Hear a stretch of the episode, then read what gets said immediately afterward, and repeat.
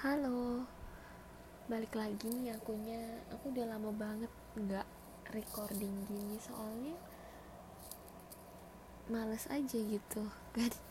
Ini jurnal aku juga kan ya. Jadi aku pengen upload kapan aja gitu.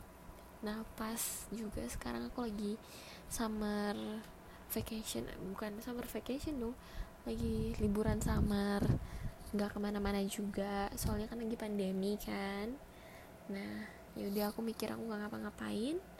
Yaudah aku recording aja gitu. Nah kali ini aku pengen ngomongin tentang attachment. Hmm, attachment issues gitu. Nah aku mau ngomongin peran attachment dalam hidup aku selama ini gitu sampai sekarang ya. Nah peran attachment dari aku kecil ini udah kerasa banget gitu. Tapi waktu kecil aku jelas belum sadar dong kalau aku punya attachment issue gitu. Jadi waktu aku kecil itu aku kalau misalnya ditinggal sama orang yang aku sayang uh, pergi bisnis atau keluar kota gitu pergi kayak pergi ke keluar keluar pulau gitulah. Pokoknya ditinggal gitu ya. Waktu umur 6 7 tahun gitu aku pasti nangis nah walaupun aku tahu orang itu bakal balik lagi cuman aku tetap nangis gitu. Nah ini misalnya kalau masih kecil ya nggak apa-apa lah ya menurutku itu normal kan. Nah tapi masalahnya aku terus gitu sampai aku umur sampai SMP kelas 3 SMP kelas 2 kelas 3 gitu. Nah sampai sampai situ tuh aku masih nangis tuh kalau misalnya ditinggal gitu loh ditinggal keluar pulau tuh aku masih nangis. Aku juga bingung kenapa aku kayak gitu. Soalnya di di rumah tuh cuma aku yang kayak gitu gitu loh. Sampai kadang-kadang tuh suka diajakin kayak uh, ih cengengan kayak gitu gitulah pasti pasti dia ngumpet lagi tuh nangis kayak gitu gitu terus kadang-kadang kadang-kadang ditanya gimana? Kemarin nangis ya? Kayak gitulah. Di rumah tuh udah kayak udah tahu banget aku kayak gimana kalau ditinggal gitu. Jadi nah mulai dari situ aku tuh bertanya-tanya kenapa kok cuma aku doang yang kayak gini ya? Kenapa waktu ditinggal itu aku suka nangis gitu? Nah ternyata nggak cuma aku ternyata ada sepupu aku juga yang kayak gitu. Tapi dia kan cowok ya dia cowok terus dia cuma sampai dia cuma waktu kecil doang terus berhenti waktu SD SD kelas 4 5 dia udah berhenti lah kelas 6 eh gak sampai malah dia udah berhenti. Nah aku tuh masih masih nangisan gitu sampai sampai SMP SMP 3 gitu kan. Nah mulailah dari SMA mau masuk SMA itu itu mulai mereda sih udah nggak terlalu nangisan lagi. Bahkan yang saking parahnya aku juga nggak tahu kenapa aku kayak gini tuh. Misalnya ada retret nih ada retret tiga hari dua malam. Terus aku ketemu temen yang influential banget bagi aku kayak misalnya lagi retret terus uh, kayak dia tuh temen baru gitu loh kayak kenalan baru hari itu misalnya. Nah misalnya aku deket banget sama tiga hari bareng terus sama dia waktu pulang aku bisa kayak nangis gitu loh. Soalnya kayak aku tahu nggak bakal ketemu kayak gitu-gitu lost kontak atau gimana. Kayak pikiran aku tuh udah aneh-aneh gitu loh. Nah makanya aku nangis. Padahal kan ya cuma tiga hari gitu. Nah terus akhirnya kayak aku ngerasa attachmentku tuh parah banget sampai suatu saat udah mulai SMA itu udah mulai mendingan kan. Nah waktu pas waktu aku main Instagram aku ada lihat salah satu live nya selebgram gitu. Namanya Mario siapa gitu aku lupa banget. Siapa ya? Mario siapa gitu lupa. Nah dia tuh lagi live. Terus dia lagi ngomongin love attachment. Emang ini selebgram Mario ini suka ngomongin hal-hal yang menarik gitu makanya aku follow waktu itu. Nah dia ngomongin tentang love attachment. Dari situ aku tuh tertarik gitu jadi aku lebih cari lebih lanjut lagi gitu kan. Aku cari lebih lanjut lagi uh, ternyata love attachment tuh ada empat. Ada yang namanya anxious attach ada attachment namanya anxious ada avoidant ada secure ada gabungan anxious sama avoidant gitu. Nah aku cari-cari terus manusia tuh sebenarnya ada ada kecenderungan memiliki memiliki attachment ini gitu empat attachment ini salah satu dari empat attachment ini kan. Nah terus akhirnya aku lihat. Nah ternyata itu tuh uh, apa ya lebih dekat sama relationship aku lihatnya gitu kan love attachment juga kan. Cuman dari situ aku juga bisa konekin sama masa kecil aku gitu loh. Nah dari empat attachment aku ngerasa paling dekat sama yang anxious. Aku tahu ini anxiousnya kurang baik eh apa model attachment ini emang kurang baik sih. Jadi model attachment ini model attachment anxious ini di mana kamu tuh apa ya merasa kalau misalnya udah sayang banget sama orang itu kamu tuh udah lengket banget gitu loh sampai nggak bisa let go gitu susah banget untuk let go ini orang. Walaupun waktunya cuma sebentar loh misalnya kamu deket sama cowok satu bulan nih atau satu minggu kamu udah ngerasa kayak nggak aku nggak mau ngelepasin cowok ini kayak nggak nggak kayak aku udah sayang. Nggak bukan dibilang sayang sih maksudnya susah untuk let go gitu loh apalagi kalau udah satu bulan dua bulan gitu. Kalau misalnya walaupun kamu ngejadian pun anxious ini kayak menurut aku ya di aku di kehidupan aku di experience aku gitu. Anxious ini apa ya? Kayak satu bulan tuh aku udah pasti aku udah pasti tertarik sama cowok ini. Makanya aku udah bis, aku bisa ngelanjutin selama sebulan terus walaupun gak ada status aku tuh udah gak walaupun aku nggak sayang ya misalnya aku nggak bisa liat gue cowok ini loh.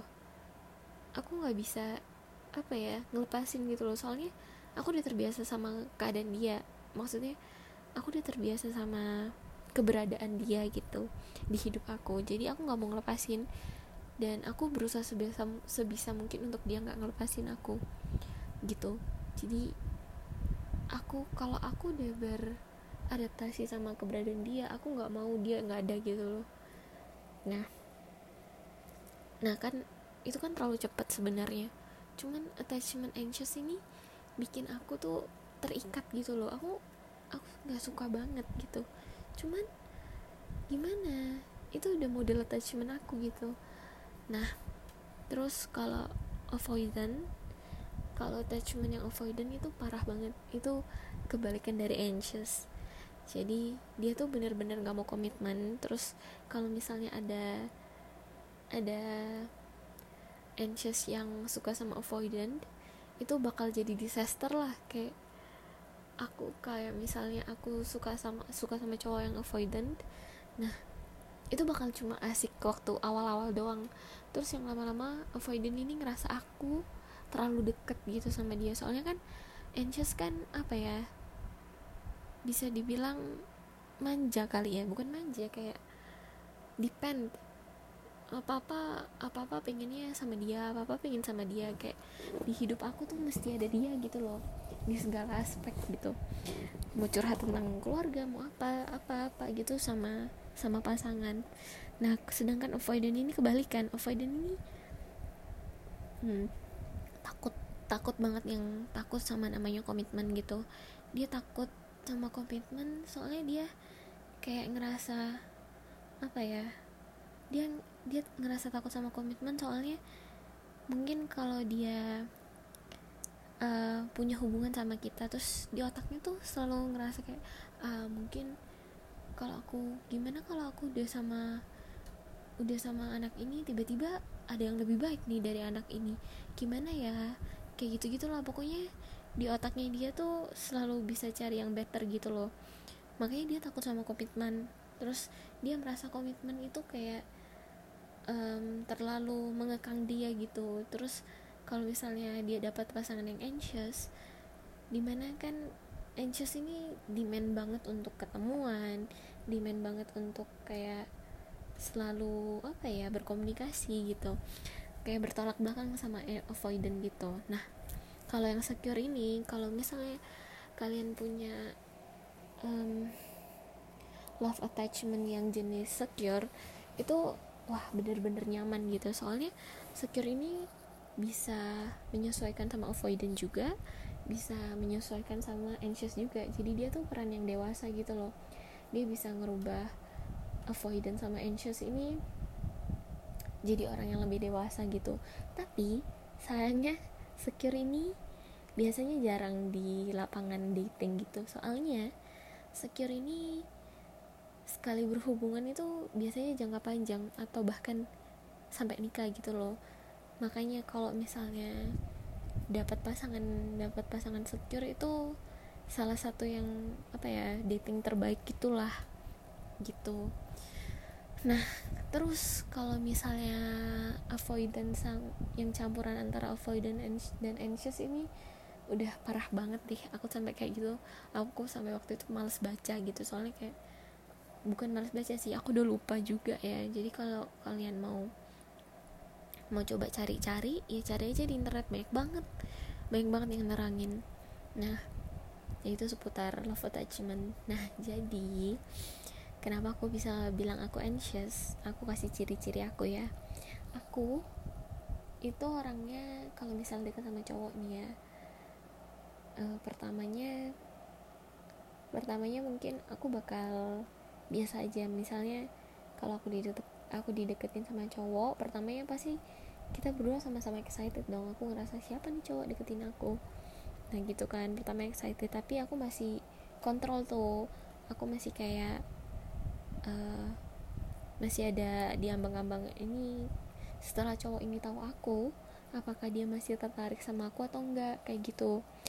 Nah kalau misalnya dia mau lanjutin kayak makin lama makin dekat makin lama makin dekat itu aku ada kepribadi aku ada kecenderungan di mana kalau misalnya udah dekat aku ngerasa kayak ada sesuatu di dalam aku tuh kayak misalnya nih eh, hari ini kita catatannya intens gitu.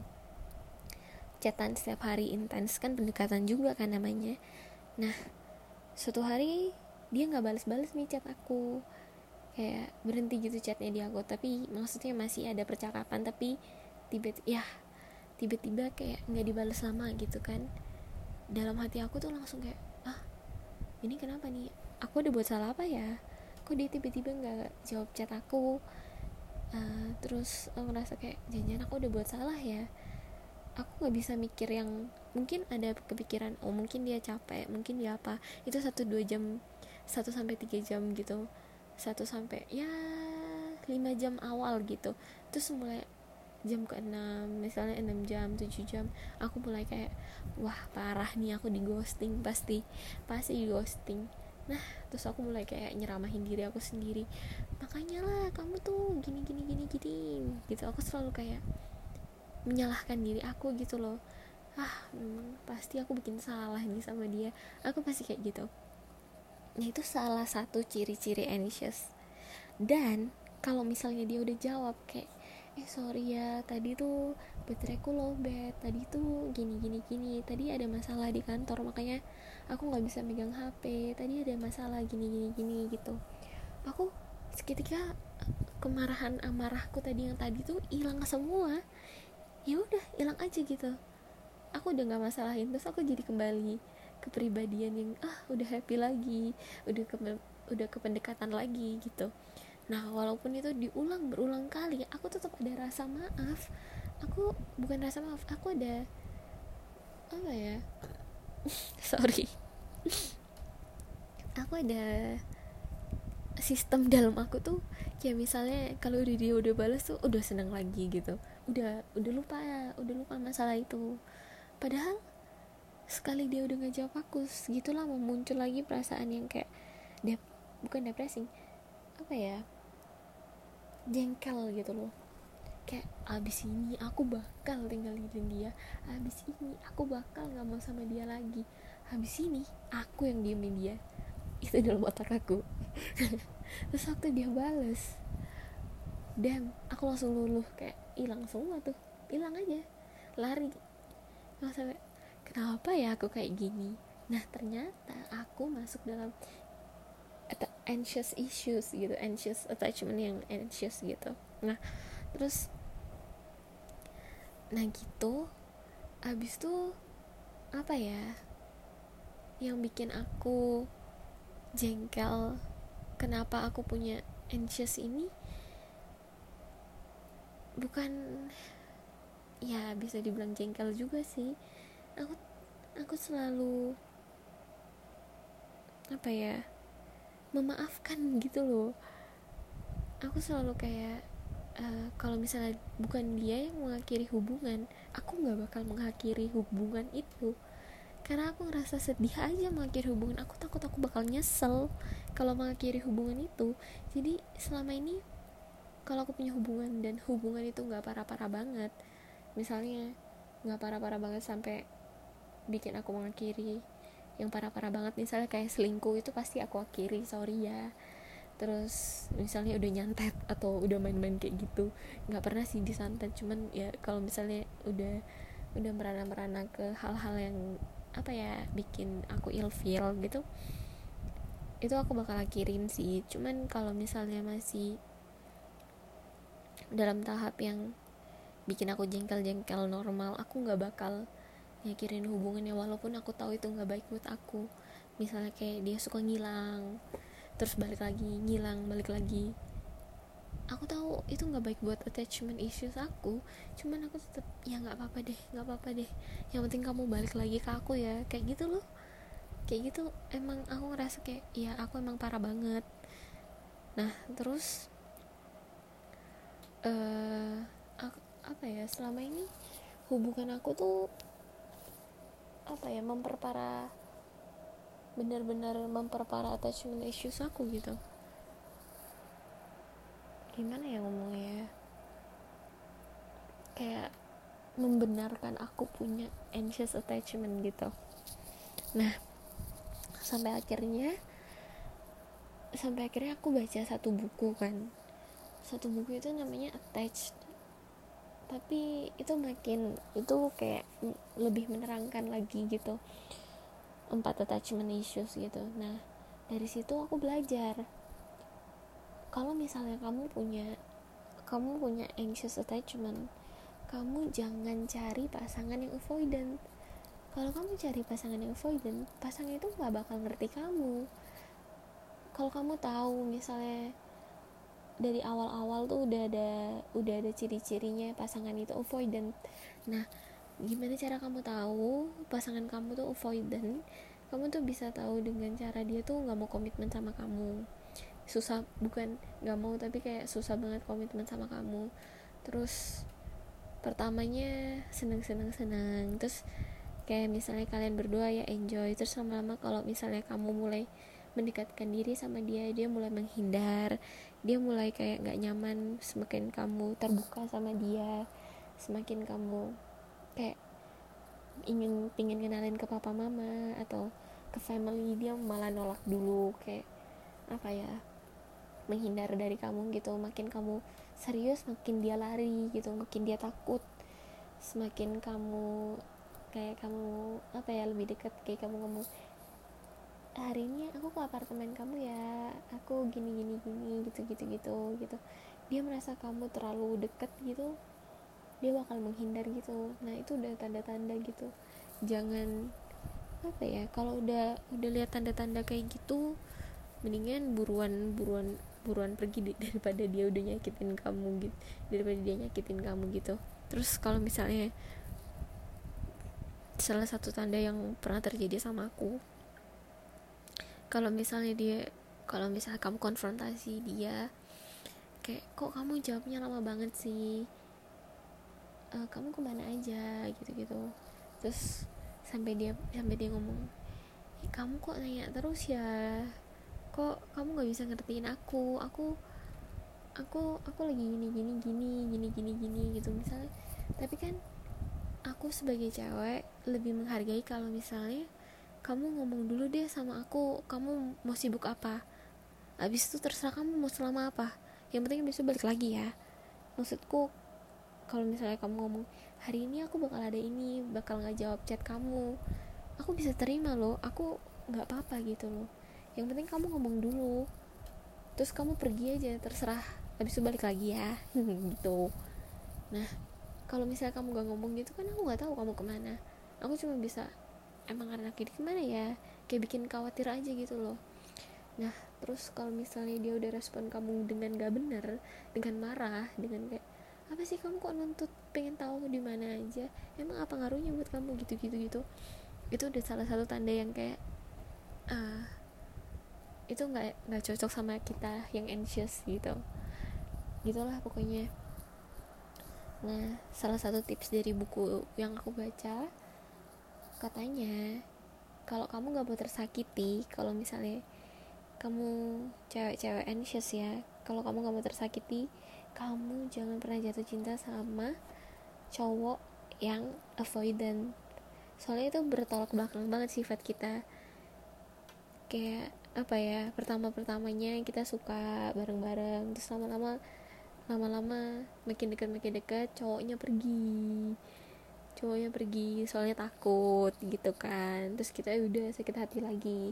Terus ketemu lagi cowok yang avoidant terus gitu lagi. Terus cycle aja gitu terus. Nah kalau misalnya cewek-cewek tapi ada teori ini cewek-cewek anxious ini cewek-cewek bodoh jengkel banget aku sama aku. Kita nih lebih suka sama cowok avoidant karena lebih menarik. Karena apa? Lebih menantang gitu katanya. Soalnya kalau cowok secure itu biasanya cowoknya tuh baik-baik gitu loh. Nggak menantang buat kita. Kayak aku baca kan salah satunya tuh ada contoh ada satu cewek nih. Dia tuh udah pernah sama cowok avoidant. Jadi misalnya dia dia jadian kan sama cowok avoidant terus cowok avoidant ini ninggalin dia kayak mutusin dia gitu loh. Nah terus waktu dating dating dating dia ketemu deh cowok yang secure. Nah dia nah dia apa ya berhubung bukan berhubungan apa date ngedate lah sama cowok yang secure ini terus dia ngerasa kayak loh kok cowok ini baik banget ya? Apakah ini bener ya buat aku? Kayak gitu loh kayak saking bodohnya ya ini udah cowok yang baik kenapa kamu harus ragu? Kenapa cowok yang avoidant kamu nggak ragu? Aku tuh sampai kayak ya bener sih tapi kalau misalnya ada cowok yang baik deketin aku aku merasa kayak yakin kamu deketin aku? Kayak gitu loh. Saking udah udah udah terbiasa sama cowok yang avoidant gitu nah makanya kalau misalnya ada cowok secure yang deketin kamu apa ya cowok secure tuh bener-bener tahu kamu gitu loh. Dia tuh dewasa sampai bisa dia tuh orangnya dewasa sampai kalau misalnya ada masalah kayak dia bakal ngomong ayo kita komunikasiin apa yang salah ini dari hubungan kita. Kamu maunya kayak gimana? Aku tuh bisanya kayak gini loh. Kayak gitu gitu kayak dewasa banget gitu loh. Jadi kalau sampai kamu dapet cowok yang kayak gitu sumpah simpen. Maksudnya keep it gitu jangan jangan kamu sia-siain gitu jangan kamu jadiin apa namanya friend zone gitu. Soalnya kita cewek-cewek yang anxious ini lebih berkecenderungan ke cowok-cowok fuckboy gitu. Jengkel aku. Nah ya gitulah. Menurut aku sih kayak gitu. Ih kita jadi ke love attachment dari dari masa kecil aku. Sorry ya jadi belok-belok gitu ya. Nah ya kayak gitu sih. Aku mau ngomongin itu aja hari ini kali ya. Tentang love attachment aku. Hmm, iya gitu aja deh. Yaudah ya. Bye bye sekian untuk hari ini ya